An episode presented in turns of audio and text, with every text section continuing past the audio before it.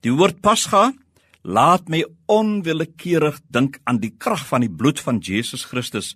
In hierdie woordjie wat ons aantref in die eerste vers van hierdie week se vroegoggendoordenkings, naamlik Pasga, lê daar soveel waardevol betekenis.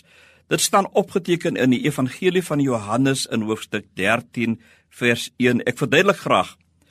Is dit bloot toevallig dat Jesus tydens die naweek van die Joodse fees van die Pasga gekruisig word? Die fees van die Pasga het vir die nasie Israel asook vir die Judeese nasie groot teologiese betekenis.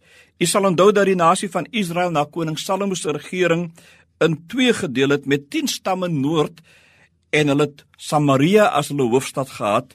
En hulle was die volk Israel.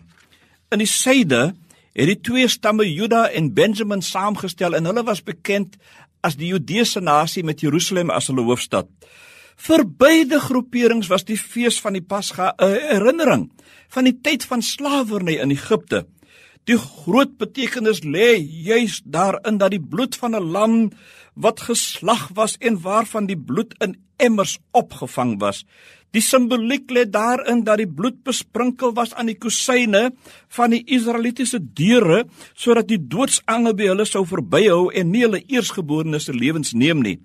Die beskerming was in die bloed Die bloed was die teken dat die kinders van God in daardie huis woon.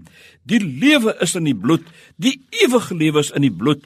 Die bloedmerke sou vir die doodsengel die teken wees dat daardie huis nie getref moet word met die grootste en met die laaste ramp wat die volk van Egipte getref het nie. Uiteindelik daartoe sou lei dat Farao hulle sou vrylaat uit die juk van slawerny en dat hulle hulle tog na die beloofde land van heuning en melk en oorvloed dat hulle dit daarna sou beweeg en dit in ontvangs neem. God wil dit so.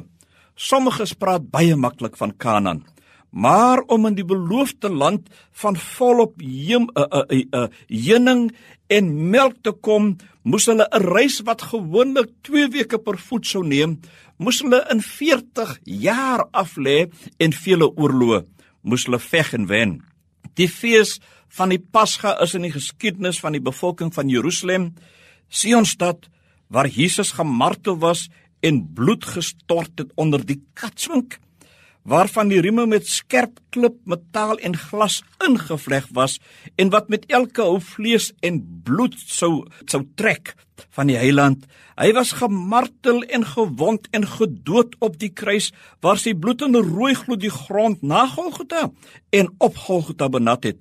Dit klink absurd, eintlik wreed en eintlik is dit niks anders as die grouwe waarheid nie mag ons die verlossende krag van die bloed daagliks ondervind en beleef in ons eie onderskeie ruimtes en lewens. Amen.